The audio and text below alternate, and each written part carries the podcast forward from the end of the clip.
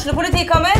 Ine Jansen er purk. Er du purk? The motherfucking bitch. Alt jeg vil, er å finne ut hva som skjedde med mannen min. Jon Carew. Er jeg sikta for noe? Iben Akeli. Det er du. Ole So, Lars Berrum og Big Daddy Karsten. Hvem sin side er du på, egentlig? Anette Hoff, Tone Danielsen, Kommer du fra Afrika? Jørnis Josef, Nesten. Kløfta. Trond Espen Seim, Det er synd å si det, men det var feil mann som døde. Purk. Premiere tirsdag på TV2 Play.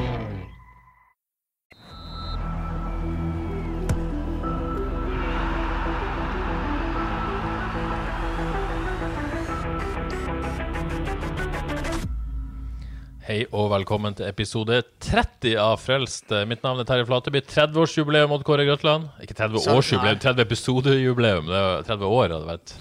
Av og til føles det jo sånn, men, men eh, bare 30 episoder. 30 episoder. Ja. Det var ei eh, fotballhelg med kontraster vi har lagt bak oss. Eh, Store, opptur, store oppturer for noen, blytungt for andre. F.eks. dagens gjest, vil jeg tro. Hvis jeg ikke tar helt feil, Johannes Husebø, så er du United- og FK-supporter. Det stemmer ikke. Nei? Everton-supporter. Du er Everton-supporter. oi, oi. Jeg trodde du var Everton-supporter. At dette Everton-greiene på Twitter bare er tull, men du er altså Everton-supporter. 100% Everton-supporter. Og alltid vært. Ja, det starta klokka halv fire på lørdag. Nei, ja, ja, se på den. Lurte han oss faktisk et øyeblikk her, at vi hadde tatt feil. Ja, der ser du. Ja, uff. Ja. Nei, det var dårlige greier i går, men uh, det er klart, når Lamela finner på sånne ting, så blir det tungt. Ja, eh, skal vi ta den? Nei vi, nei, vi tar ikke den diskusjonen. La oss ikke ta den. Det er ikke derfor vi er her. Men, men, eh, men la oss nå ta det første lytterspørsmålet med en gang. Eh, Alexander Skred Mange lytterspørsmål. Lytterstorm, vil jeg si, når vi har selveste eh, Husebø på besøk. Eh, hvem var dårligst, United eller FK? Oi, oi, oi. Um, altså, United 1-6, FK 1-5.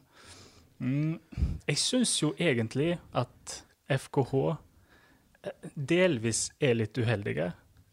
Det er bare det at når de får én i trynet, så rakner det fullstendig. Ehm, United har jo vært dårlige eh, alle kamper til nå. Um, Du skal jo ikke si dårlig dommer her, altså. Det er ikke det som er unnskyldning. Nei, vi, vi trenger ikke gå tilbake til den. Det, det, det, altså, nå har han hatt god tid på seg, og du ser liksom ikke relasjonene, du ser ikke hva de prøver på, du ser ikke hva angrepsspillet skal være. Nei. Utenom å kontra. Men, men United hadde bedre motstand enn FK. Det kan vi vel være enige om. Det tror jeg vi kan være veldig enige om, så skal vi ikke gå videre med den heller. Men uh, jeg syns jo det var Det var kjekt. Det må jeg jo si. Syns du? Ja, det syns jeg. Ja, det synes, det synes men jeg du er ikke invitert her, Johannes, for å snakke om, om Manchester United. Du er invitert her i kraft av å være FKH-blogger, rett og slett. FK Hauge-synseren, ikke sant? Jeg er ikke så god på dialekt, må jeg innrømme. Men, men, uh, men hvordan Du har en blogg, altså, om FK. Hvordan begynte det? Ehm, nei, vi har jo, bruker jo mye Twitter nå. De fleste ikke Odd Kåre, da. Nei. Men ehm, Mange fotballinteresserte og supportere. ja, det er det. Og der får en jo for så vidt uh, sagt ganske mye. Um, men jeg følte òg at det var en liten begrensning i det, fordi det skal jo gjerne være litt raskt og, raskt og gale. Og så uh, kjente jeg jo òg, skal jeg være ærlig, kjente på et lite savn etter kanskje litt grann djupere stoff om spillere og om hvordan eh, FKH eh, spiller som lag og den slags, og litt om trenere den, den eh, tingen der. Um, Ja, for det er jo ikke alltid måte, grunn, noe vi går så mye i dybden på heller, fordi at grunnen til at vi ikke gjør det, er at dette er stoff som på en måte er ganske smalt, egentlig, og Ja. så ikke blir så godt lest, men kan funke i en blogg, kanskje. Ja, det er akkurat det. Eh, vi har jo for så vidt eh, snakket litt om det òg. Og det er jo eh, det, Så det er jo ikke kritikk sånn sett. Det er jo bare det er fint, eh, tenkte jeg, da, fordi det finnes et, et vindu der for å tilføye noe. Um, men den viktigste grunnen er jo tross alt at det er meg sjøl som ønsker å se Kan jeg skrive? Eh, kan jeg noe om fotball? Kan jeg få hjemmesida til å fungere? Kan jeg sette ting sammen? Eh, og så er jeg jo eh, FK-supporter på min hals. Eh, jeg har bodd litt rundt omkring. Eh, og, nå, eh, og det er jo en, på en måte en, en måte å føle enda sterkere bånd til, til laget sitt gjennom å skrive og fordype seg. Men du hadde en del spørsmål der. Har du fått svar på det? Kan du dette? Eh, eh, jeg vil ikke si jeg kan det, eh, men det er veldig hyggelig å høre f.eks. at, uh, at en syns at jeg har hatt utvikling. Og så kan jeg jo også lese tall, så vidt. Så jeg ser jo at det er ganske mange som klikker seg inn da, relativt sett. så bra. Jeg syns jo det er en veldig kjekk blogg, og syns jeg du er veldig sånn eh, ganske konkret. Og ikke det sånn Du trenger ikke bruke tre timer på å lese bloggen din, men du er veldig konkret hva du vil si, og Og- ganske kort og godt sist. Det er veldig eh, Det var et godt du sa det, for det er veldig viktig for meg. At eh, jo færre ord, jo bedre. Ja, Det er bra. Det liker vi kåre. Ja, veldig kjekt med folk som, som mener litt, og jeg syns òg han er veldig konkret og tydelig, så det er bra. Ja, så er det kanskje Du er jo på en måte kjent i lokalfotballen og har en bakgrunn som, som fotballspiller. Hvor mange Du har spilt en del lokale klubber? Ja, Det er jo mange- noen som kjenner deg derfra, vil jeg tro. det, det ser sånn ut på, Ja.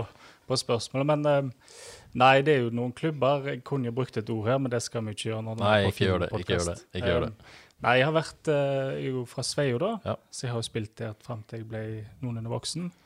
Um, så jeg har vært i nord og i Djerv og i Nykronborg i Bergen. Jeg har vært innom Skjold. Så jeg spilt for et uh, dansk lag som jeg ikke kom på navnet på. Nei, det er såpass, ja. Ja. Hva, husker du Johannes fotballspiller, Kåre? Du har jo vært med i dette gamet lenge. Ja, jeg husker han som en ganske habil spiss. Nå eh, nå smiler gjesten. Jeg er veldig litt spent på hva det, skal, skal si. Jeg husker han som en ha, habil, litt, eh, litt kraftig eh, spiss i, i lokalfotballen. Ja. Hva mener du med kraftig? eh, ja, Kunne han vært tank, bedre eh, skal vi, skal vi bruke ordet tanksenter? Liker du det? Jo, det stemmer godt. Ja. Men jeg husker jo vi spanderte ei side på han i cupfinalemagasinet til FKH i 2007. Ja, for dette, dette er også kommet til lytterspørsmål. Du har faktisk scora mot FKH i cupen for Jerv 1919. Eh, Steinar, eh, Steinar på Twitter han vil gjerne at du beskriver den skåringa, gjerne med Roar Stokke-stemme. Er, er det noe du har i deg, eller? eh? Det, det korte svaret på det er jo nei. Nei. Jeg har ikke parodien inne. Nei. Jeg kan ta den, men med tanke på at jeg ikke vil ha at venner, familie og kjente skal sitte og rødme mens de hører på, så lar jeg være å parodiere. Det skal du få lov å velge sjøl. Men eh, du skal få lov å beskrive skåringa. Hvordan eh, kom den? Uh, skal vi se om jeg tenker litt. Jo, jeg var på uh, fremmed grunn, holdt jeg på å si. Jeg var på vei i bakrom. så, så av en eller annen grunn så fikk jeg brukt den manglende farten min mot FKH. Eh, og så kom det et slags innlegg der, da. Så fikk jeg kommet foran stopperen. og Hvem var, hvem var stopperen? Husker du?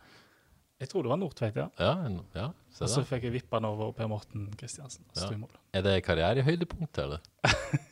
Ja, det må vel dessverre være Ja, det er ikke, jeg har ikke skåra mot FK og kommer heller ikke til å gjøre det. Så. Ja, Jeg tror, jeg tror det ble beskrevet som en forfjamset Per Morten Kristiansen. Det må jo være et kompliment. Ja, han kom ut og trodde han skulle ta den, men jeg var, nei, jeg var ikke så rask. Men jeg var rask nok.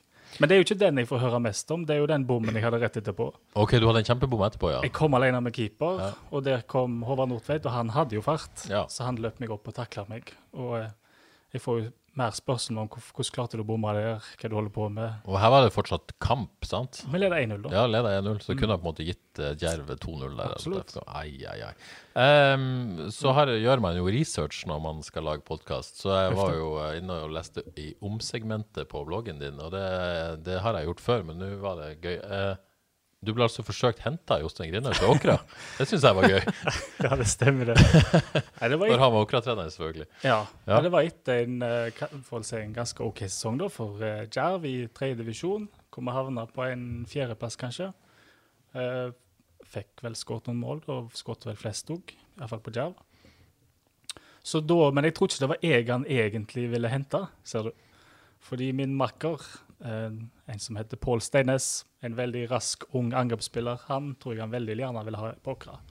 Så jeg tror jeg var med, med som en slags eh, figur for, som en del av dealen for å lokke han til Åkra. Ah, ja, sånn, sånn skulle ta vare på han, liksom. Ja, Den- ja, ja, Blant annet så kjørte jeg han Ja, og meg til Åkra-trening. Men det ble aldri noe av det noen gang? Det ble aldri noe av det. Vi syns begge det var veldig langt til Åkra. Så det ble ikke her videre. Og mer moro på, på bloggen din. Du har altså ei liste liggende der på, på omsegmentet som Odd Kåre har utarbeida. I, eh, I sommeren 2015 så laga Odd Kåre ei liste i Haugesunds Avis over topp ti fotballspillere fra Sveio. Eh, husker du hvordan det altså Jeg spurte jo Odd Kåre om dette før sending, om han husker hvilken plass han hadde plassert deg, og han eh, traff faktisk. Ja, det, det var litt flaks, da. Men ja, jeg, sies. Men du ble altså kåra til niende beste fotballspiller fra Sveio noensinne. Hva, hva, er du fornøyd med den plasseringa, eller burde det vært høyere?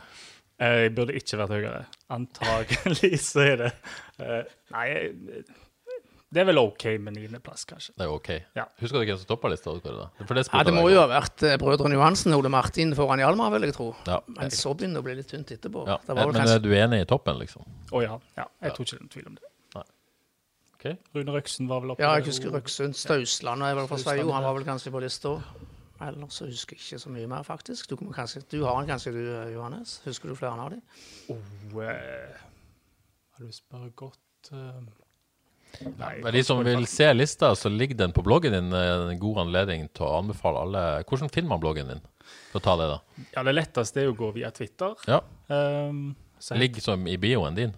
Den ligger ikke i bioen min. Du må nok inn og, og lete fram FK Haugesund. Ja, så kan du google det også, der. finner man også lista over topp ti fotballspillere fra Sveio, hvis noen er veldig interessert i å se den. Det regner jeg med på tusenvis er interessert i. Men skal vi si det er liksom nok kosprat foreløpig, og så eh, Jeg skjems litt. Så er litt uh, flau gjest her over det, all denne oppmerksomheten. Men vi skal avslutte med litt oppmerksomhet òg. Men imellom her så må vi snakke litt alvor. Uh, I går var det altså uh, Start FKH. Alle vet at det endte med 5-1-seier til Start. Eh, på forhånd her, Johannes, så du omtalte dette på din blogg som en uhyre viktig kamp for FKH. Eh, skal vi si at det var en litt sånn klassisk sekspoengskamp, hvis man skal kalle, bruke den klisjeen? Absolutt. Um, jeg, jeg mener jo nå at nå er det fare på ferde, reell fare på ferde, fordi Start har eh, momentum. Nå har de banka laget de skal ta igjen. Um, mellom dere Sandefjord um, De har overprestert så det holder i år, så de har momentum i kraft av det. FK Haugesund har, vært, eh, har vel tenkt om seg sjøl at de er et midt på tre-lag. Um, og det er livsfarlig, og du kan se det på hele laget, og du kan se det på trenerne. Du kan til og med se det på oss rundt, at uh, en regner med og håper det går bra, og når det går dårlig, så leter en litt etter syndebukker og den slags. Um, men faktum er jo at det er et lag helt uten momentum, rett og slett, som tror at de overlever og håper på det beste. Så skal vi komme tilbake litt til, til, til La oss ta kampen først. Jeg kjenner meg for øvrig litt inn i det der. Jeg tror på en måte alle har lulla seg litt inn i at dette er et midt på tre-lag, og ikke tatt dette sånn skikkelig på alvor kanskje før nå. Men la oss ta Så du dette kom? At de kunne tape 5-1? Altså, vi må på en måte Litt av bakteppet er selvfølgelig at, at uh, FK gikk til kampen uten Benjamin Tidemann og Bruno Leite. Eh, I tillegg så var, var Kone skada, Joakim Våge Nilsen skada. Gikk med en relativt tynn tropp. Men kunne man måtte forutsi dette? Jeg, jeg syns jo egentlig ikke det, fordi at uh, uh, Palle og Fredriksen det er jo to gode stoppere som er kriger om å få den ledige plassen ved siden av Tidemann. Så jeg tenkte det var jo et problem som løste seg sjøl. Og som jeg skrev litt om, også, egentlig ganske spennende å se hvem av de som fortjener å være makker med Tidemann. Um, på midtbanen er det nok, eh, tenkte jeg litt verre. Leite er en kanonspiller. Um, det er nok litt utfordringer um, når han ikke spiller. Og det er litt utfordringer hvem som skal være i den dype, og hvem som faktisk skal være dette, i den indreløperen som, som han er, som er tross alt overalt, han og Tore P.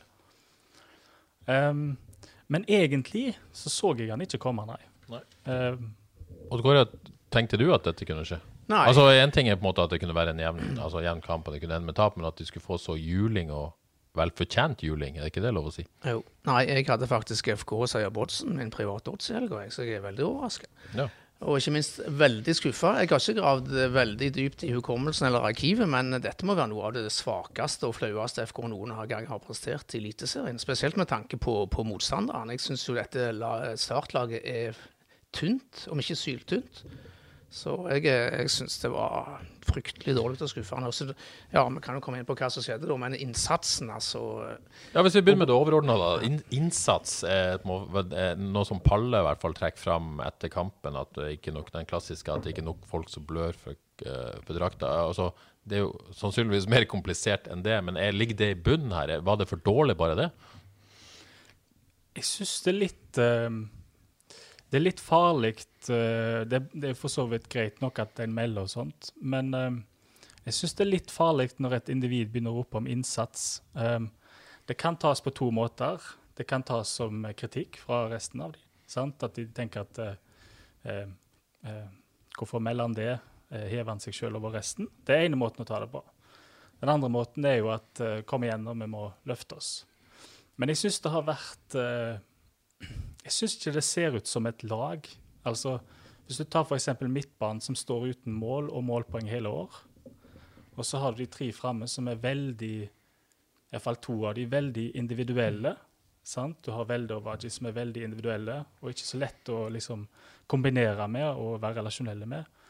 Og så har du Sandberg, som tross alt toppnivået er veldig høyt og er dyktig relasjonelt, eh, spesielt når Desler kommer rundt og den slags. Og det er mye, mye som kan skje der. Men han er nå inne i en fase nå at hvis det går galt én gang, så mister, mister han nesten hodet. Og, og da kommer feil på feil på feil. Så da har du plutselig en midtbane som ikke tror på at de kan levere målpoeng. Og så har du de tre framme som egentlig spiller litt på egen hånd, alle tre. Og da har du ikke kjangs der. Og der skal presset starte, der skal jobben gjøres. Og så ender det egentlig med at sant, kanskje Forsvaret kan få skylda, da, fordi han slipper inn så mange. Men det, ja, det er mye som er galt her, og det starter fremst. Ja, og så Hvis vi skal se litt på det som konkret skjedde i går eh, altså Det åpna jo med et, et selvmål eh, av Ulrik Fredriksen, som er liksom kanskje den verste måten å starte en sånn viktig kamp på. Eh, få en sånn nedtur. Eh, sette tonen for matchen og få den starten, eller? Kåre?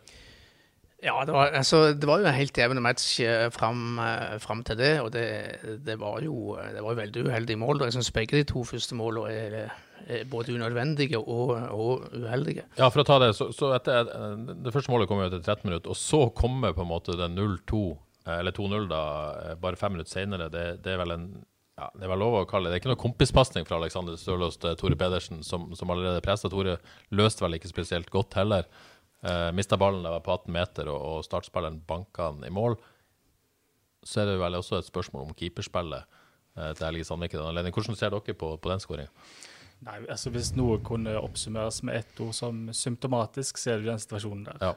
Rett og slett. Det er ikke så mye mer enn å si om det, syns jeg. Det, sånt er det litt uh, Eller har vært litt nå.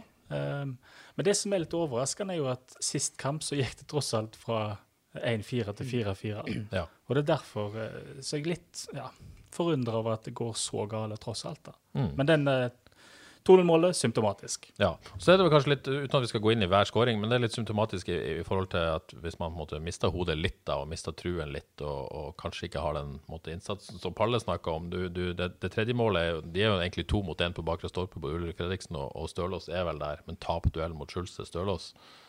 Det, det er en som vil uh, holde Start oppe, som stiger til værs og dunker. Han vil mer, virker det som. Han vil mer. Ja. Og så, er det jo fantastisk Vadji-skåring, men det er jo igjen, som du snakka om, det er en fullstendig individuell prestasjon som ikke har noe med at FK spiller godt eller ikke å gjøre. Det må være lov å si. Absolutt. Eh, så, så har du den, da, og det er jo litt sånn symptomatisk også, på et Ja, vis. det. eh, det. Og så kommer eh, 4-1, det er nok en duell. Fredriksen taper i- mot Skjulse. Eh, så det, alle taper jo dueller, egentlig, men det handler litt om, å ville det òg. Og så har du selvfølgelig selvmålet, da, igjen. Som man kan si er uheldig. Og så kan man kanskje si at man kanskje ikke gjør nok for å hindre det innlegget. At, at det burde ikke kommet. Men, men eh, totalt sett så liksom du har eh, Du kommer skjevt ut, du får det mentale tøft med, med selvmål og ei tabbe, og og så eh, handler det vel mye om å ville etter det. Altså, ja. Ja, altså jeg syns det at eh, Start er et lag som ligger eh, på kvalik nå. Um, de tenker at klarer vi å ta Haugesund, så har vi faktisk et reelt håp. Men det virker som om uh, vi er ikke helt der. At Ja. de ikke tar ikke trusselen på alvor. Det er forskjellen i dueller. Alltid. Og når du da Oddkåre 0-2 på den måten eh, etter 18 minutter, da, da betyr det ganske mye mentalt for et lag som, som lykkes med det, og som eh, får selvtilliten, og, og det motsatte skjer med FK. Ja, altså 0-1 eh, det var, Jeg var ikke så veldig redd på 0-1. Da tenkte jeg på Ålesund. Dette FKH er bedre enn dette startlaget og kan, kan snu dette her. Men det, det var dagen hvor Ja, det, det var rett og slett ikke håp. Ja, og så bare for å ta Grindheim ble bytta ut etter 38 minutter. Hva tenkte dere om det byttet? Jeg tenkte at eh, Det første jeg tenkte, var at eh, nå så de slaget som tapt, at de ville spare. Ja, du, du, du tenkte at det rett og slett var det? Jeg tenkte det, ja. Ja.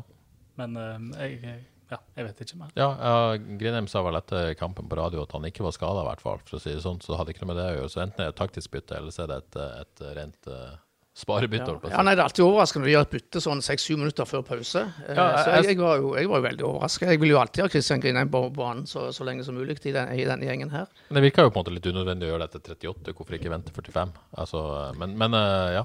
Det, men det virka jo i hvert fall sånn at nesten det var et taktisk bytte òg. Men, eh, men de gjorde ikke noen endringer. Formasjonen de trakk Sandberg ned, var det så, og så, og så kom, kom Amundsen.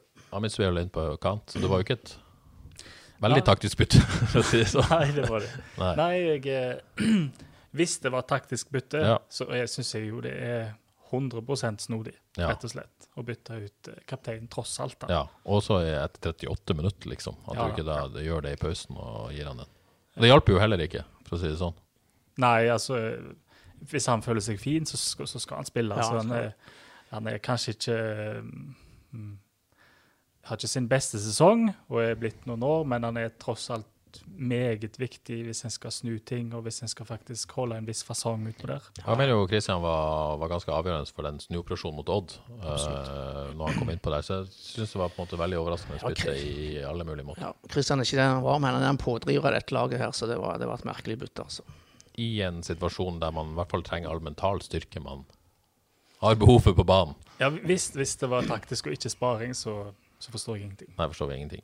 Nei, det er vi, er vi enige om det, alle sammen.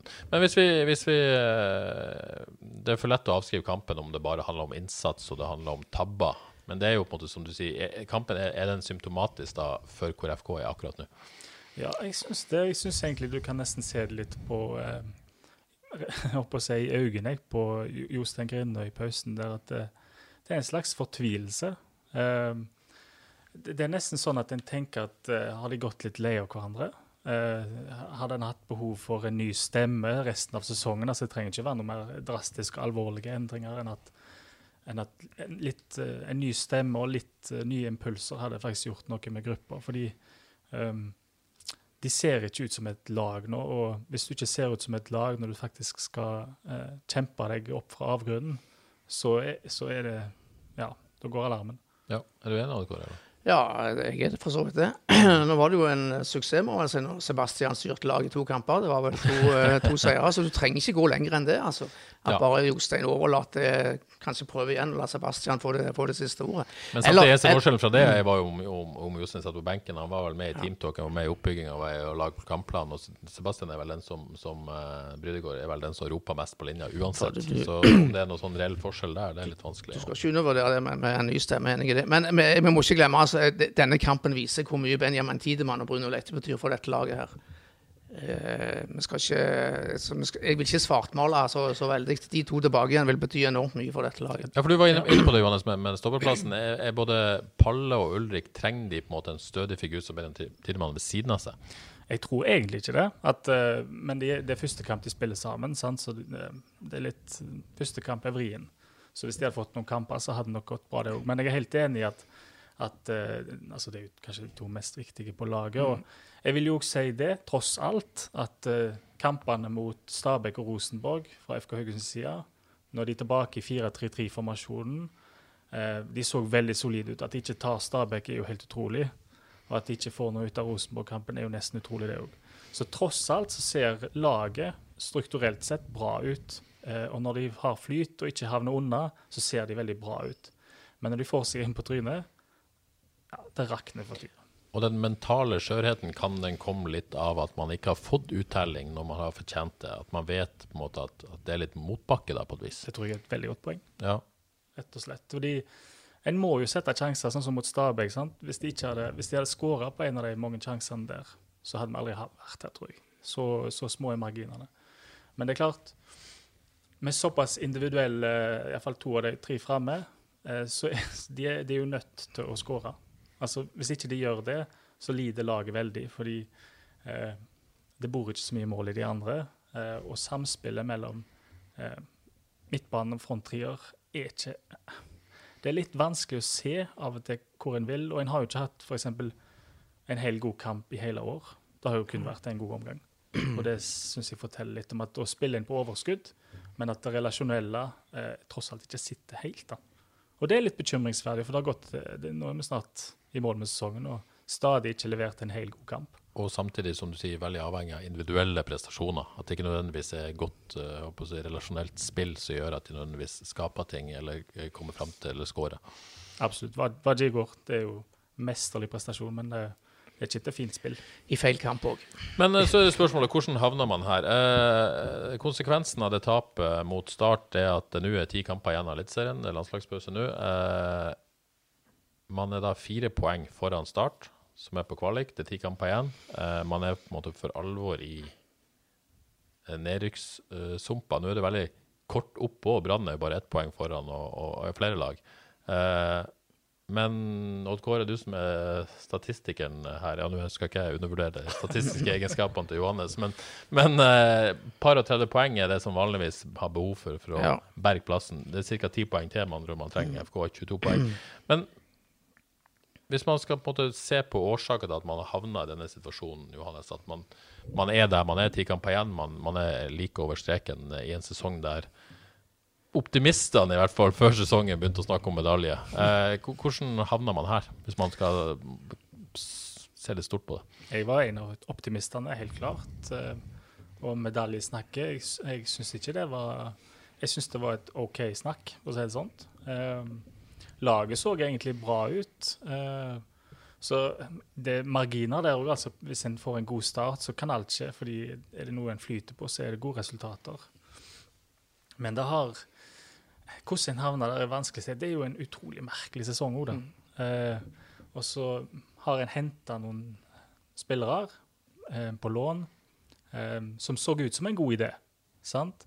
Du har Kjellmann og Ahmed Spøll som ser ut som to eh, lovende spillere. Han ene gjorde det bra i eh, Eliteserien for Viking i fjor, og han andre han eh, har jeg for så vidt noen kilder på sjøl som sier at det der kommer til å bli en stor suksess. Han, det er en bra spiller, og han viste vel litt igjen på trening, og han viste at han var eh, løpssterk og hadde mye gode ting.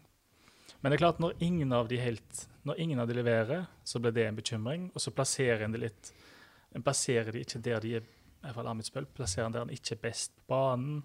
Eh, og så havner Kjellmann kanskje eh, Han havner litt alene som spiss. Han så ikke ut som helt, helt trives med det. Så det, da har du liksom to småting der som gjør at det blir vanskelig å skåre mål. Um, og midtbanen der det har vært mye trøbbel. sant? Har, vi har helt klart 100 av oss tror jeg har undervurdert hvor viktig Tronstad var. sant? For han, han patruljerte jo, han. Han eh, passa på at her slipper ingen forbi. Han eh, leverte gode, enkle baller innenfor det nivået han har av å slå pasninger. Så at han er tapt, har jo vært et gigantisk savn. Eh, og det å løse den midtbanerollen der, det har han jo ikke fått til. Det har jo ikke, lykkes ikke ennå. Nei, for Der har man ikke fått inn en, en fast, stabil mann. Det har på en måte gått litt på, på rotasjon omtrent, hvem som har hatt den rollen. Ja, vi har ikke noe anker. En nøkkelrolle i 4-3-3, selvfølgelig. Helt, helt klart. eh, For stabiliteten sant, så er det helt avgjørende at en har et anker som er anker. Og jeg tror mm, det ja, Jeg tror det er en stor grunn jeg, til at, eh, at det ser så ustabilt ut til tider. Ja, så, så er det jo sånn at alt henger sammen med alt, men, men, eh, men hvis vi går helt tilbake til vinteren, der, der det så ganske stygt ut før koronapausen, så det ganske sånn ille ut, og så var det en del nøkkelspillere som hadde skada da. Tor Pedersen var ute, Mikkel Lesle var ute, Krygård ble skada en viktig periode når han skulle måtte kjøres inn som dette ankeret, Tronstad-erstatter. Og så kom korona, eh, og ble en vanskelig koronaperiode for FKH, eh, med en del krangling, og så ble man helt permittert med en gang, og var den eliteserieklubben vel som var permittert lengst. Eh, mange andre klubber permitterte ikke mellomløsninger, men de var helt permittert og måtte klare seg alene i et par måneder, var det vel faktisk. Eh, og så eh, er det jo på en måte rekrutteringa, men, men det at man også fått en veldig sånn komprimert eh, sesong, tross alt, og en, eh, en, en stall som både er litt tynn og kanskje ikke gjennomtrent nok, med tanke på det som skjedde i vinter, eh, begynner vi her å snakke om på en måte ting som, som henger sammen med alt på et vis i forhold til trening, oppkjøring, eh, rekruttering da, og et tett kampprogram. Så at, at, at totaliteten i det blir, blir det vi ser i dag. Helt klart. Jeg tror jo faktisk, eh, hvis en skal være litt eh, anglofil et lite øyeblikk, så kan en jo se på resultatene i helga òg. Eh, eller resultatene så langt i sesongen. Det nytter jo nesten ikke å konkludere med noen ting, fordi det, det svinger så enormt. Eh, så det tyder jo på at eh, ting er ikke sånn som de pleier. En spiller ikke helt sånn hva tid en pleier å gjøre. Eh, en spiller kanskje på overskudd og ikke er gjennomtrent, som du sier. sant? Og da kan det ofte være litt tilfeldig, tror jeg, hvordan det blir. Og en er helt ekstremt avhengig av å få flyt. Og når, en glipp, når den glipper, så så er du ute og kjører raskt. Tror jeg. Ja, for det er en ting å på en måte levere på et dårligere grunnlag når det er flyt, som Johannes sier, når ballen triller din vei og, og alt det her. Men når du får motgang, og i tillegg kanskje er på etterskudd, du har et tett kampprogram, du har en tynn tropp, da blir det en slags slitasje av det. Ja, det, dette FK-laget bærer tydelig preg av slitasje akkurat nå, synes jeg. Men jeg har, eh, jeg er veldig enig i mye av det Johannes sier. Jeg har notert meg fire hovedpunkter for at det har gått uh, såpass dårlig som det har. Oi, oi, fire hovedpunkter. Det er jeg veldig glad for. Ja, kjør, kjør på. Eh, det første er som Johannes har beskrevet på en veldig fin måte, relasjon, mangel på relasjoner i, i angrepsspillet. Det blir bare spekulasjoner, men det kan ha vært det kan ha med permitteringer under koronaperioden å gjøre. Men kan det også ha noe med spillertyper å gjøre, da? Eh, det har han beskrevet, Johannes beskrevet veldig fint. Det kan også ha med spillertyper å gjøre. Men ja. mangel på, på, relasjoner offensivt er, er, definitivt et stort problem. Og som sagt, det kan skyldes eh, permitteringer under koronaperioden, men som sagt bare spekulasjoner. Eh, nummer to, nøkkelspillere har ikke levert. Vi hadde store forventninger til Niklas Sandberg før sesongen. Han er Norges beste straffeskytter, men har vært eh, under pari og i, i perioder skuffende denne sesongen. Han har ikke levert. Vi hadde forventninger til Alexander Stølås. Han pådro seg dessverre en ekstra skade når han var på vei tilbake igjen rett før seriestart. Og han har vel ikke kommet opp på sitt eh, si, normale nivå for tidligere i det hele tatt. Han var i nærheten her nå nylig. Han hadde jo vært en kjemperessurs for dette laget hvis han hadde vært i normal form. Tore Pedersen, kjempesesong i fjor, har vært ujevn i år. Så sånn sett litt individuelt òg. Eh, også så, og som Johannes har vært inne på, brikkene har ikke falt på plass i dette laget. Eh, spesielt på midtbanen har de hatt problemer med, med konstellasjonen. Eh, i, før sesongen så hadde vi et luksusproblem eller FK hadde et luksusproblem på, på midtstopperplass. De har vel strengt tatt ikke klart å spille inn to midtstoppere som har fungert 100 der. Eh, hvor langt har vi da kommet? Eh, var det fire punkter? Eh, nei, siste. Ett et til. Det har du òg vært inne på. De nye spillerne har strengt tatt ikke vært forsterkninger. Ja, Skal vi, skal vi snakke litt om rekruttering? Det kan vi godt. Rett og slett. Jeg vil i hvert fall bare si ja. veldig enig i Kommenter det. Hvorfor. Ja. ja, jeg syns det, det, er veldig gode poeng. Uh, og, og, spesielt det med de nøkkelspillerne òg. Uh, eh, Stølås en tok en sjanse der. Han var ikke i form, og det visste de nok, og det visste nok han. Jeg tenkte vi gir han noen kamper, så spiller han sikkert i form. Men det har jo ikke skjedd. Han er ikke kommet i form før nå. Eh, og Sandberg, som nevnt. Det, det er kritisk. Er så viktig rolle å være så ustabil. Også, men Tore P, det er jeg nok ikke helt enig i. Jeg syns han har hatt en god sesong og er imponerende andre sesong, rett og slett. Um, han virka litt ja, Jeg er på en måte eh, også enig med deg, Johan. Jeg syns han stort sett har vært bra. Men, men i, virke, i, siste har han virka litt sliten, da. Mm. Og det kan jo ha sammenheng med det, de tingene vi har snakka ja, om her. Og understreker at Tore stort sett har vært bra, men han har vært ujevn. Ikke så jevn så god som han var i fjor. Men det vi er inne på her, da, det er jo på en måte at du har eh, Hvis du snakker om den viktige sentrallinja, da, mm. Eh, som, som er kjernen ofte i et lag, så har du ikke klart å etablere et anker. Eh, du har kanskje ikke klart å etablere det stoppeparet som virkelig har fungert. Palle Tidemann har i utgangspunktet vært, uh, vært uh, førstevalget, tenker jeg. Men Palle har vært skada litt inn og ut. Mm. Du har liksom ikke fått Han har aldri kommet helt i toppform. Du har ikke fått satt det. Absolutt. Jo, hvis en starter helt bak, så vil jeg jo til og med si at Helge Sandvik har hatt en litt vanskelig andre sesong. Ja. Um, jeg starta, når jeg starta bloggen og så på laget før sesongen i fjor, så tenkte jeg at det ville være vanskelig for han å tre ut av eh, den skyggen som andrekeeper og være førstekeeper. Det motbeviste han jo totalt med en kjempesesong i fjor. Um, I år syns jeg han har hatt uh, litt ujevn. og um, Det er klart han er jo en forholdsvis hva skal man si, rolig keeper. Uh, og det er ikke noe problem så lenge du tar det du skal ta. Uh, at du ikke gjør det ekstraordinære. OK, fint.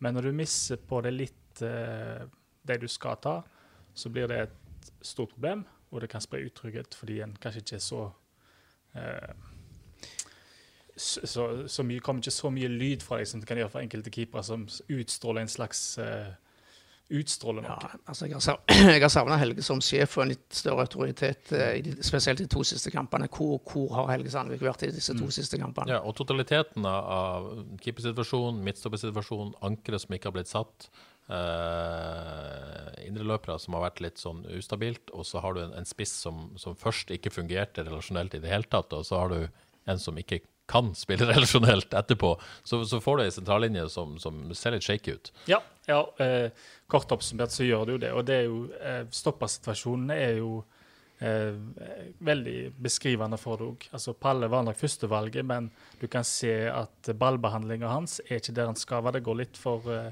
De har litt ballpanikk, begge bergenserne der, syns jeg. Eh, eh, så, så det er klart at da da er du avhengig av å spille deg i form, få nok kamper, være, bli trygg med ball, sånn at du gjør de, de rette tingene. Men det har liksom ingen av de helt fått, da.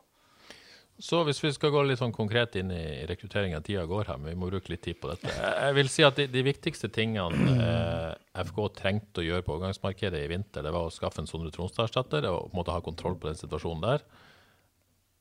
Samuelsen-erstatter, få en spiss som i hvert fall kunne fungere fram til Wadje var tilbake. Og vel få en, en eh, De ønska en, en, eh, en, konkurrent da, til Helge Sandvik. var vel de tre tingene som kanskje sto høyest, hvis jeg ikke husker helt feil. Uh, rett og slett. Uh, de, de, som kom inn, da, og har kommet inn, det er altså Alexander Amitsbøl, Benjamin Kjellmann, uh, Mats Sande, Ludek Veimola og Ulrik Fredriksen.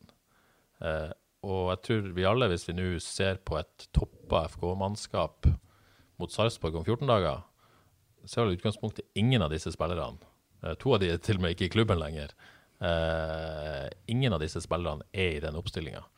Uh, eh, hvilken konklusjon kan man gjøre av det, om den rekrutteringa FK har gjort i år? Nei, det er jo en, iallfall en, en hva skal man si, en lavt hengende, fristende konklusjon å gjøre, er jo at en ikke har truffet. Um, og det Det må en jo si. En kan jo ikke si noe annet. Um, men det er klart at uh, hvis en tar uh, ja, Keepersituasjonen, den En skal vel ha tre keepere, men at ikke uh, Frank Stoppe sitter på benken og blir tatt ut på U21, det forstår jeg ingenting av. Og jeg syns han var, var mot Åsane i treningskampen. Han starta med en feil der, men andre omgang så viser han jo massevis av, av kvaliteter. Men de må vel ha tre keepere. Eh, men, men, han er vel kanskje, man kan ikke forvente at det er han, kan man forvente at det er han som skal utfordre Helge Sandvik eh, i år? At, at måte, eh, ja, har man fått inn en reell konkurrent, eller har man fått inn en benkevarmer med Veimola? Det har vi jo ikke sett, men han er jo tydeligvis han har i hvert fall ikke pusha Helge Sandvik til å bli bedre. Nei, han har ikke det er ingenting men, som tyder på det. Nei, Men jeg tror jo heller ikke at Helge Sandvik trenger deg. Fordi nei. i fjor så var det ingen som utfordra Helge Sandvik. Han sto meget bra. Så jeg tror ikke det er sånn automatisk at konkurranse gjør Kan det ha gjort han mer usikker? Ja, det tror jeg. Uh, så det å være et helt klart ubestridt førstevalg kan jo være en, uh, en fordel. Uh, Ulrik Fredriksen han blir jo bra, så det, det var jo det var godt henta. Om det var Ja, Men er det rett pengebruk, da? Ja, sant, det er jo det som er spørsmålet. Når du allerede har Palle, du har Karamoko og du har Tidemann, selvfølgelig. Jeg ville jo sagt at uh, når en først mangler et anker, og han tross alt uh, slår meg som en fleksibel spiller som kan spille både stopper og vært, var meget bra på høyrebekken, og ble vel brukt litt som spiss, til og med i Sogndal. Kjørte inn han som anker, så har du han plutselig som backup i tre posisjoner, iallfall. Så er det jo plutselig fornuftig å, å bruke pengene på han. Mm. Men han har jo ikke fått prøvd seg med mindre ja, vel én kamp, kanskje, hvor han var fikk prøvd seg på midtbanen, men jeg tror han kunne vært et reelt uh, uh, ankeralternativ. Mm. Så videre med Ahmed Spøll og Kjellmann, så er jo det Altså, det er jo, det er jo fullstendig bom. Det er jo bom, bom, bom. Det kan ikke si noe annet. Det, potensial kan en snakke om, men det har vært for langt ifra. Det, det, er ikke noe annet å si. Ja, og Kjellmann eh, er sendt tilbake til Finland. Mats Sande er sendt på lån til Sandnes Ulf. Så hvis vi på en måte sier at de to viktigste tingene, da, Sondre Tronstad-erstatter og Martin Samuelsen Men Tronstad skulle jo egentlig ikke erstattes i markedet, da. Han stolte jo på en måte skulle dekkes av Krygård, Grindheim, Tore Pedersen, Jokke. Eh, det har jo vist seg en plan som ikke har fungert heller. I, så, så, er det selvfølgelig årsaker til det òg. Mm. Men, men, vi er vel enige om at man aldri har klart å erstatte, som vi var inne på innledningsvis, erstatte Sondre Tronstad heller. Helt klart uh, ikke. Men jeg syns jo ideen i seg sjøl var grei, fordi det var såpass mange gode midtbanespillere. Så jeg, jeg, jeg, var iallfall en av de som, og det har nok trenerteamet gjort òg, undervurdert uh, det å spille anker. For det har, det har, jo ingen klart å løse. Men min, altså Jokke hadde nok sannsynligvis gått inn i den rollen ganske greit, tror jeg. Men nå har han vært skadet. Hvis han har vært i form, så Ja. kunne han ta den rollen. Ja, jeg trodde også før sesongen at de skulle klare å dekke opp for Tronstad internt, men der, der har jeg så mange andre bomma. Ja, så det er veldig lett å sitte her og være etterpåklok at det burde man gjort noe med, men, men, eh, men Ja, alle tenkte vel egentlig dette i vinter òg, at man kanskje hadde nok. Ja, jeg tror det. Jeg, Mm. jeg syns eh, Jeg syns nesten ikke de kan tas helt på det, for jeg syns det, det burde holde som idé med såpass mange mm. gode midtbanespillere. Men sånn, sånn overall, da, så kan man på en måte Så, så det å hente fem spillere som ingen av de går inn i en elver, eh, det er jo Det må man jo faktisk lov å si at det er ikke godt nok rekruttert. Altså, den Konklusjonen er uunngåelig, er det ikke det? da? Absolutt. Hvis jeg skal f ett hakk fram nå, uh, og til de tre fremste i 4-3-3 Altså, der, uh, der er det jo mye har gått galt. Du har jo selvfølgelig en som har en gjennombruddssesong, Christopher Welde. Um, um, og det er jo helt supert, det, men det, det er ikke kantalternativ. Uh, det har heller ikke vært helt uh, Altså, en spiss trenger jo å føle seg trygg for å skåre. Uh, men da har du en spiss som er trygg, men han skårer ikke.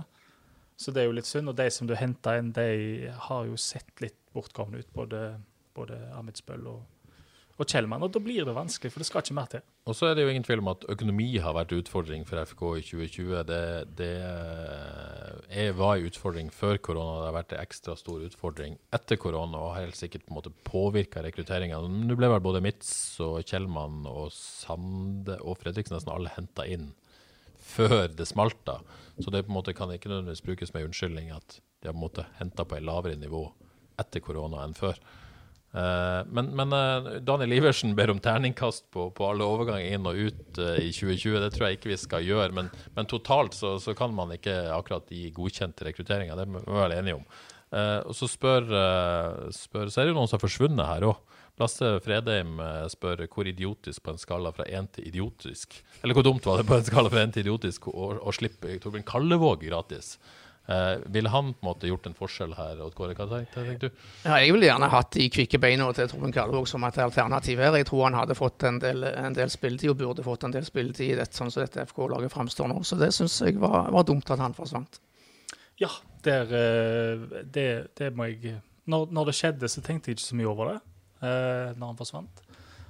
Eh, så jeg ble nødt til å være etterpåklok der. Men helt enig med Odd Kåre. De kvikke beina, og han er en smart fotballspiller, eh, Torbjørn Kallevåg. Eh, du vet hva du får fra han, og han er ikke minst noe som eh, Nå skal ikke jeg bli jeg for helt hakk i plata, men relasjonelt så har han mye å tilby, og som en av de tre fremste der. Ja. Og så hvis vi på en måte skal se videre, nå eh, stenger overgangsvinduet i dag. Det er ikke grunn til å tro at FKH gjør noe mer enn det de allerede har gjort. De har henta en midtbanespiller i danske Terkelsen, som, eh, som skal være en potet på midten. Kanskje er han det ankeret man har lett etter. Og så er det kantspiller Oliver Klitten som kan spille er først og fremst venstre, men kan også spille høyre kant og bli en utfordrer av til Velde og Sandberg. Eh, først, Johannes, har du tro på disse to her, ut fra det du vet og har hørt? Ehm, ja, jeg syns det er Igjen, jeg syns ideen er bra. Um, han, eh, først og fremst han Terkelsen, da. Ehm, der var det jo Fikk jo for så vidt litt tilbakemeldinger fra en uh, Horsens-supporter som syntes det var merkelig at han gikk på lån, og at uh, han så mye i han.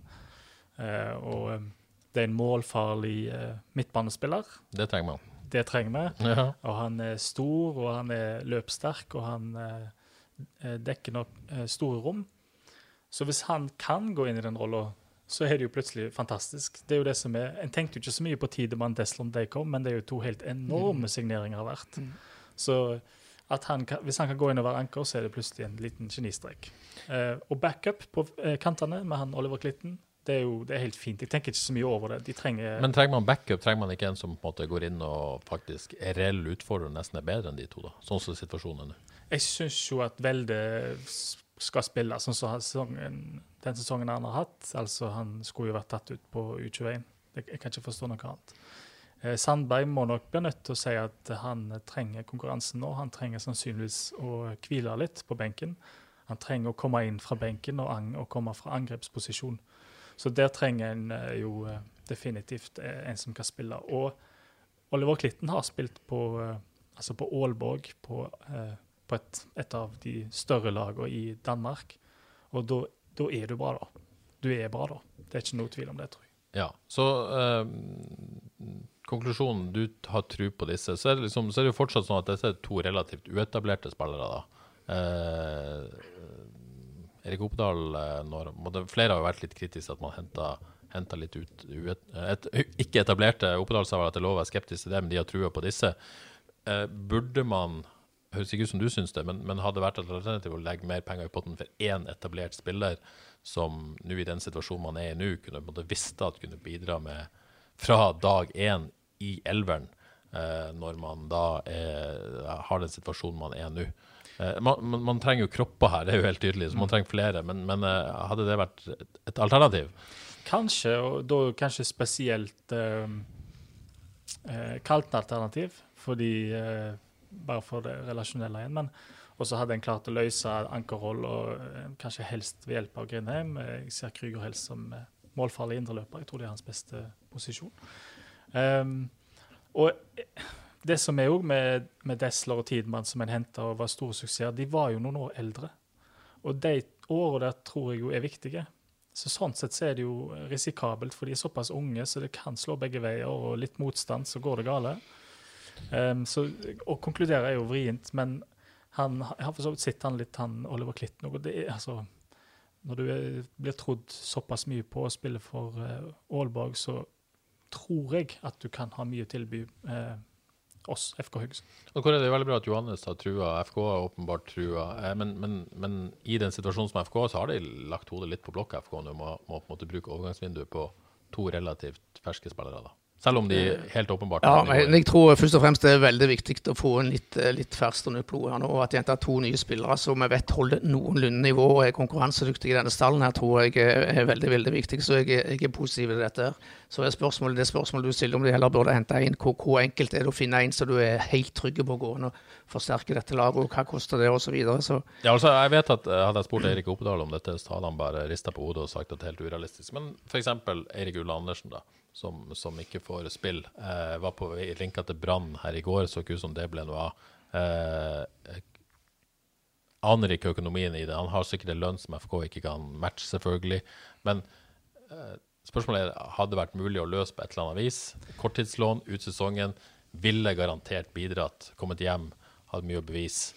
Eh, har lyst til å spille seg inn i Molde. Eh, hadde det vært bedre å lage pengene? Jeg, jeg liker spørsmålet. Og jeg tenker òg at uh, Lønnsmessig er det antagelig kan det klassifiseres som uh, vrient.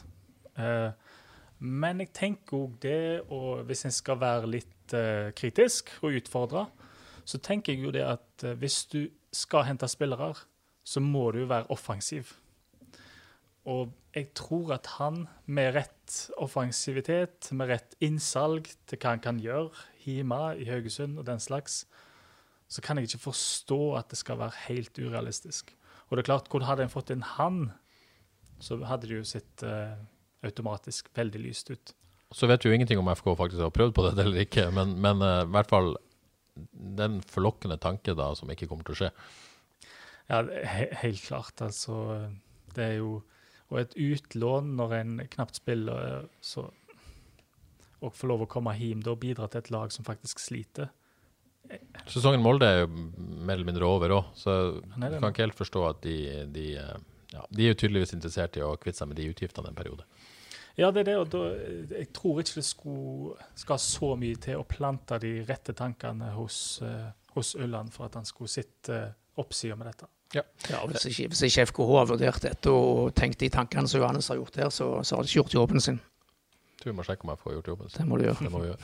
uh, man er i en situasjon der nedrykk er en reell fare. Jostein Grindhaug har snakka om dette siden første serie omtrent. Kristoffer Welde var innom det, at uh, han er litt lei av å høre om det, sa han for et par uker siden. Blir det en slags sånn, og da han, var inne på det, om det blir en slags sånn selvoppfyllende profeti, at det, går litt på selvtilliten løs når man hele tida får høre at man er i nedrykksstriden? Selv når man reelt sett på et vis ikke er det, men nå er det jo det likevel. Det, eh, blir det sagt så mye at hvis du på en måte nå, skal, nå må dere skjerpe dere, gutter. Dere er i nedrykksstriden. Har det ikke noe effekt lenger, liksom? Um, jeg, jeg, kjøper ikke helt den fra, fra Veldeg. Jeg tror at men han er jo òg Hva er han, 20 år? Eh, hvem vet? Men jeg tror at de kjenner Jostein Grinde og hans måte å snakke på, og at Jeg tror ikke det spiller Det er for enkelt, rett og slett. Ja, jeg, tror- jeg tror det. Ja. Rett og slett. Rett og slett. godt. For en gangs skyld. Så, så er det jo sånn at uh, det er ti kamper igjen. Eh, jeg skal ikke gå gjennom hele terminlista, men det er hjemmekamper mot Sarpsborg, det er hjemmekamp mot Ålesund, Sandefjord, Mjøndalen, og så avslutter man uh, mot, mot Bodø-Glimt, et Bodø-Glimt-lag som kommer hit i neste serierunde, og som jeg vil tro da, i hvert fall for lengst krona som, som seriemester. Heia Glimt. Odd Kåre, er det på hjemmebane FK må gjøre det? Ja, først og fremst med tanke på de motstanderne der, så ser det overkommelig ut. Nå satt jeg her for en uke siden og sa at jeg var 98% sikker på at FK berga plassen. Nå har den pila vippa litt, eh, litt lenger til, tilbake, men eh, jeg ble såpass nervøs at jeg måtte se på, på kampprogrammet til Start. For det er jo først og fremst Start det handler om her, å holde bak seg.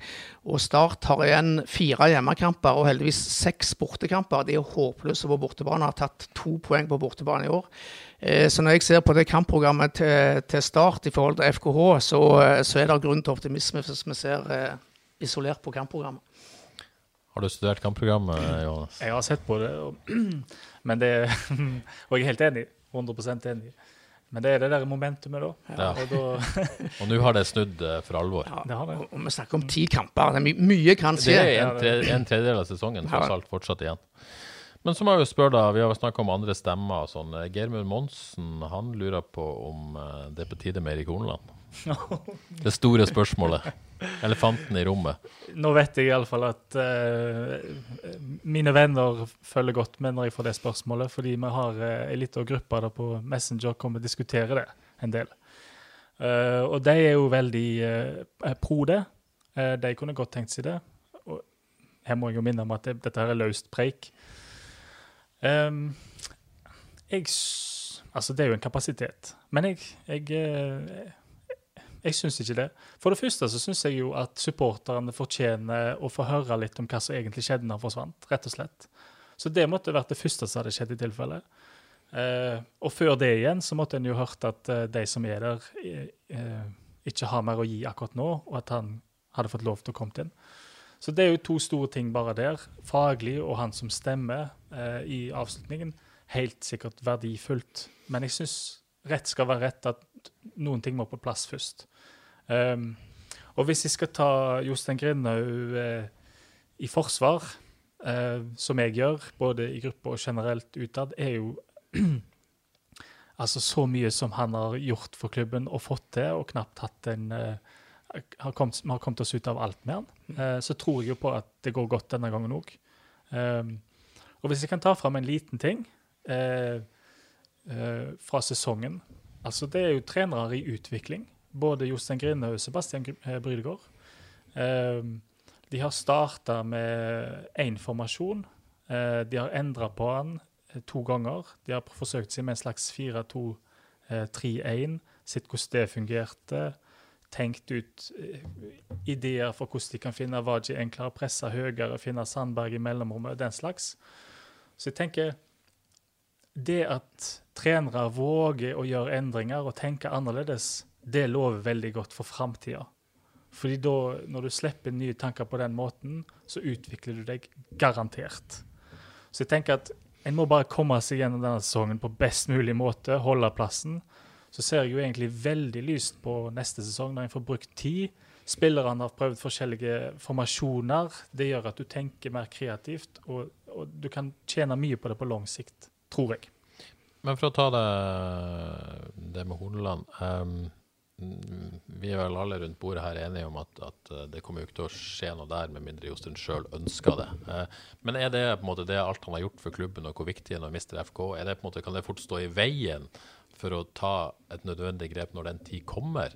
At det liksom blir en sånn at man, man ikke tør å gjøre det fordi at han har den posisjonen, selv om han kanskje fotballmessig burde gjøre det. Jeg sier ikke at vi er der nå, men, men på et eller annet tidspunkt. Kommer han, kommer han til den konklusjonen sjøl? Jeg, har, eh, jeg har veldig tillit til, til Jostein Grindhaug. At um, han kjenner sjøl hvor mye energi han har. Hvis ikke han har mer å gi, så tror jeg han bryr seg så mye om klubben at da sier han uh, OK, det er fint. Uh, jeg trenger at noen andre overtar her. Så jeg har tillit til han. Altså, selv om noen stiller spørsmålstegn med motivasjonen til Jostein Grinhaug, så er jeg sikker på at det er ingen i hele verden som er mer motiverte for å snu denne trenden i FK enn akkurat uh, Jostein Grinhaug. Og som Johannes sier, hvis han føler han ikke får dette til, så er han den første til å gi beskjed at her trenger vi en ny stemme. Ja. Og så er det jo sånn at vi vet jo heller ikke om Eirik Hornland står fri å ta en jobb i FK. For uh, siste vi hørte, var jo at han fortsatt var under kontrakt med Rosenborg, og til og med rykter om at han skulle tilbake på et eller annet tidspunkt. Så, så han har jo vært taus siden han kom tilbake, så det er jo på en måte en, en uavklart situasjon bare der, uh, for, for å ta det. Noe mer du har lyst til å si, Johannes, om eh, state of play i FKH akkurat nå? Før vi går over til noen litt sånn useriøse spørsmål her på slutten. Ja, noe du har usagt? Det ble Ja, det, er jo ikke mening å, å uh, lage begravelsesstemning, men jeg syns det er viktig at uh, Iallfall at en innser at en er et båndlag og kjemper mot nedrykk nå. At det ikke er noe tvil om det. Og at en uh, uh, tenker som et lag her nå. Jeg tenker også til og med oss supportere som leter etter syndebukker og, og ser på alternativer på trenersida og den slags. At det er ikke tid for å finne syndebukker nå. Jo mer en klarer å stå sammen her, jo større sjansen for å klare seg. og da, da blir Jeg har jo altså jeg har ikke skrevet så veldig mye siste fra bloggen, for fordi jeg syns at formasjonen er bra, og de som spiller, skal spille. Det handler, det handler ikke så mye om det lenger, tror jeg. Så nei, det er enkle ord, men å stå sammen nå, så, eh, så tror jeg det går bra. Og du har trua rett og slett på at dette kommer til å gå bra til slutt for FK i år? Gitt at en klarer å liksom sette foten i bakken og si at nå er vi et båndlag, det er krise, vi må stå sammen, så går det bra. Er du enig i konklusjonen? Kåre? Ja, veldig klok han her, Sveibuen. Ja, det finnes kloke sveibuer, tydeligvis. Hei. Ja, jeg er enig, og jeg er, jo, jeg er jo ganske trygg på at vi kommer til å se et helt annet eh, FKH-lag i hjemmekampen mot Sarpsborg om, eh, om snaut to uker. Ja. Jeg føler det har vært et par sånne false dawns, så det heter på engelsk. eh, At man på en måte har trodd at det har vært vendepunkt, vendepunkt, og så har det på en måte kommet en ny nedtur. Eh, så spørs om kanskje Ja, dette er bunnpunktet. Det er det som er store spørsmålet. Jeg håper det.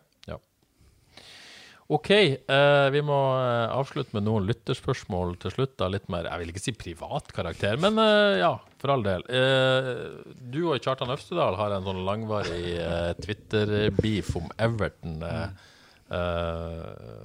Kjartan spør om Everton kan vinne Premier League i 2020, og kan de det? Hva handler denne beefen om? Det, hvis, har, hvis det er kort. Ja. Jeg skal prøve kort. Han er Liverpool-supporter, Kjartan, selvfølgelig. Han er Liverpool-supporter, og jeg meldte før eh, sesongstart i fjor. Da hadde de fått inn så mye bra spillere og, og manager at jeg så det som et av tidenes vindu uansett lag. og den får en vel si at den eh, beit meg litt eh, bak etter hvert. Um, men det er klart, kanskje han ikke gjorde det likevel, for når en ser de nå skulle bare endre litt manager, få en ja. et par nye spillere. Og få et tidenes vindu til, da. Nei, jeg, vågte ikke å si noe den gangen. Nei, nei. Og det, det er jo kanskje leksa her. Hvis en ikke sier noe, så, så ordner det seg. Så hvem vet? Hvem vet? Altså, det er Angelotti. Ja. Og så eh, tror jeg dere hadde en Joe Gomez-beef òg, muligens. For han lurer på hvor tilfredsstillende det var å trekke inn uh, Nei, hvor fristende tror jeg det var å trekke inn diskusjon om Joe Gomez etter sju baklengsmål mot Esten Villa i går. Det, men det kan oppsummeres med en lyd. Mm. Der har du det. Og så lurer Kjartan til slutt på største overraskelse i julecupen 2019. Ja, det, og jeg, jeg, vet, hva han vil ha som svar, og han skal faktisk få det som svar òg. Altså, han ble jo Han fikk jo Han ble jo kåra til most eh, valuable player. eh, Øvstedalen sjøl. og det er klart, bare det i seg sjøl er jo overraskende. Det syns jeg òg var ganske overraskende, faktisk. Og det å se på han stå i mål, og det å, å spille mot han, det var òg veldig overraskende. Mannen kan jo stå i mål. Ja. Ja, rett og slett. fikk vi vite det, alt hva man lærer når man hører på Frelst. Så er det en uh, fyr som kaller seg Takstein på Twitter. Er det en kompis av deg? dette? Det er det absolutt. Ja, Han lurer på om du fortsatt har mobilnummeret til Jim Solbakken. Ja, det, altså uh... Kan du ringe han og få Ulland Andersen til å stå der, muligens? Kanskje. Kanskje. Eh, nei, det, det handler vel mest om at eh, vi var ute en tur eh, på byen, her, her i byen, og eh, traff en eh, engelskmann, hva det var, eh, som påsto at eh, han hadde telefonnummeret til Jim Solbakke. Oh. Og han het Solbakken som er? Nei, Solbakke, sa han. Og så fikk vi Jeg trodde det var en skrivefeil. Jeg tror Nei, jeg skrev det- Solbakke i, uh, Ja, det var, i tweeten. det var den interne spøken Ja, ja. Det, han, det var Solbakke, og så fikk vi et telefonnummer. Eh, jeg vet ikke om jeg har det i katalogen lenger. Der har du det. Jeg har noe med Jim Solbakken, han tar aldri telefonen. Så det er ikke noe, det er ikke noe poeng å ha det. Eh, han spør også om du har laget mål med husebrynene dine noen gang. Er det øyenbrynene han henviser til her? Han Har du- gjør det. Ah, ok. Er det en ja. greie? Eh, det er ei greie, tydeligvis. Tydeligvis, ja. Det er jo å få satt meg ut så godt som mulig. Det er målet. Ja. Men det klarer han ikke nå. Håper ikke det. Eh, Katla-brødrene er aktive på Twitter. Eh, Arne lurer på hva som gjorde at han ble favorittdommeren din.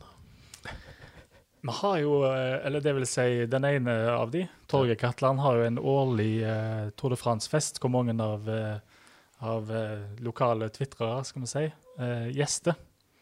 Og der har vi en fast tradisjon. Vi viser et videoklipp fra når Arne Katlaboren dømte på Avaldsnes. Dette klippet var å finne på det som heter lokalsport.no sine sider, hvor Ja. de hadde litt videoer fra tredjedivisjon. Hvor han rett og slett går ned for telling med en strekk i leggen om å slepes av banen. Og jeg tror det er etter en sånn 25-30 minutter. Da ble han min favorittdommer. Da ble han din favoritt. Det er vakkert. det er vakkert. Uh, så har du Torgeir, da, så lurer hvorfor han den Nei, hvem den beste treneren du har hatt, er, og hvorfor det er han, da. Men det er jo klassisk, klassisk spørsmål.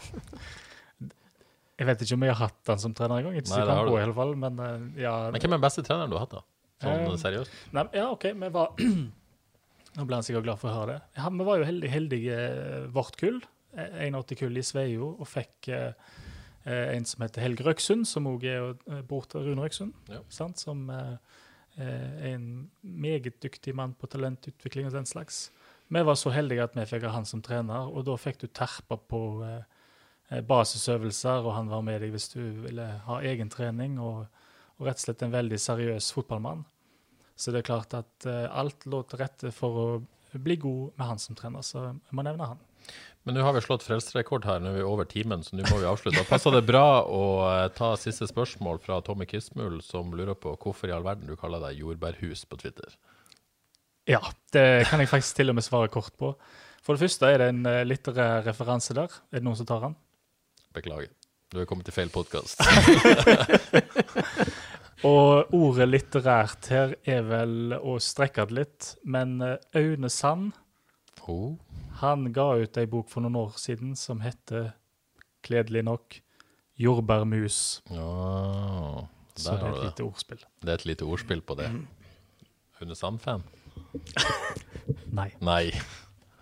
Det er veldig greit å få konstatert. Tusen takk til at du kom eh, til oss, Johannes. Lese bloggen til Johannes syns jeg du skal gjøre hvis du er FK-sporter. Vel verdt å få med seg. Det var det vi hadde i dag. Tusen takk for at du har hørt på. Tusen takk til Johannes og Odd Kåre.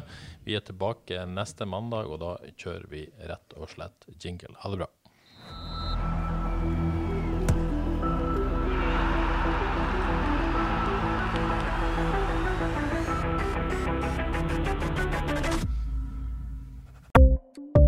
Ukens annonsør er HelloFresh. HelloFresh er verdens ledende matkasseleverandør og kan være redningen i en travel hverdag. Mange av oss har nok vandret i butikken både sultne og uten en plan for middagen, som ender med at vi går for de samme kjedelige rettene gang på gang.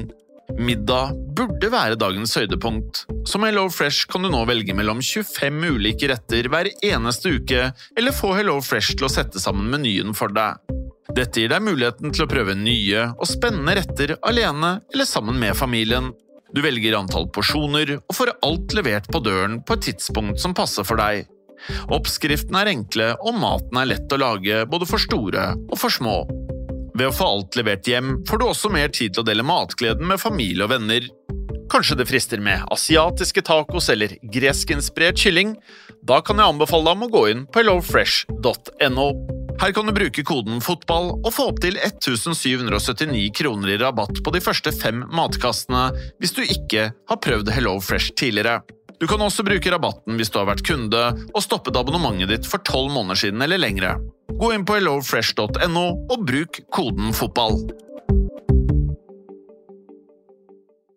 Har du et enkeltpersonforetak eller en liten bedrift? Da er du sikkert lei av å høre meg snakke om hvor enkelt det er med kvitteringer og bilag i fiken, så vi eh, gir oss her, vi.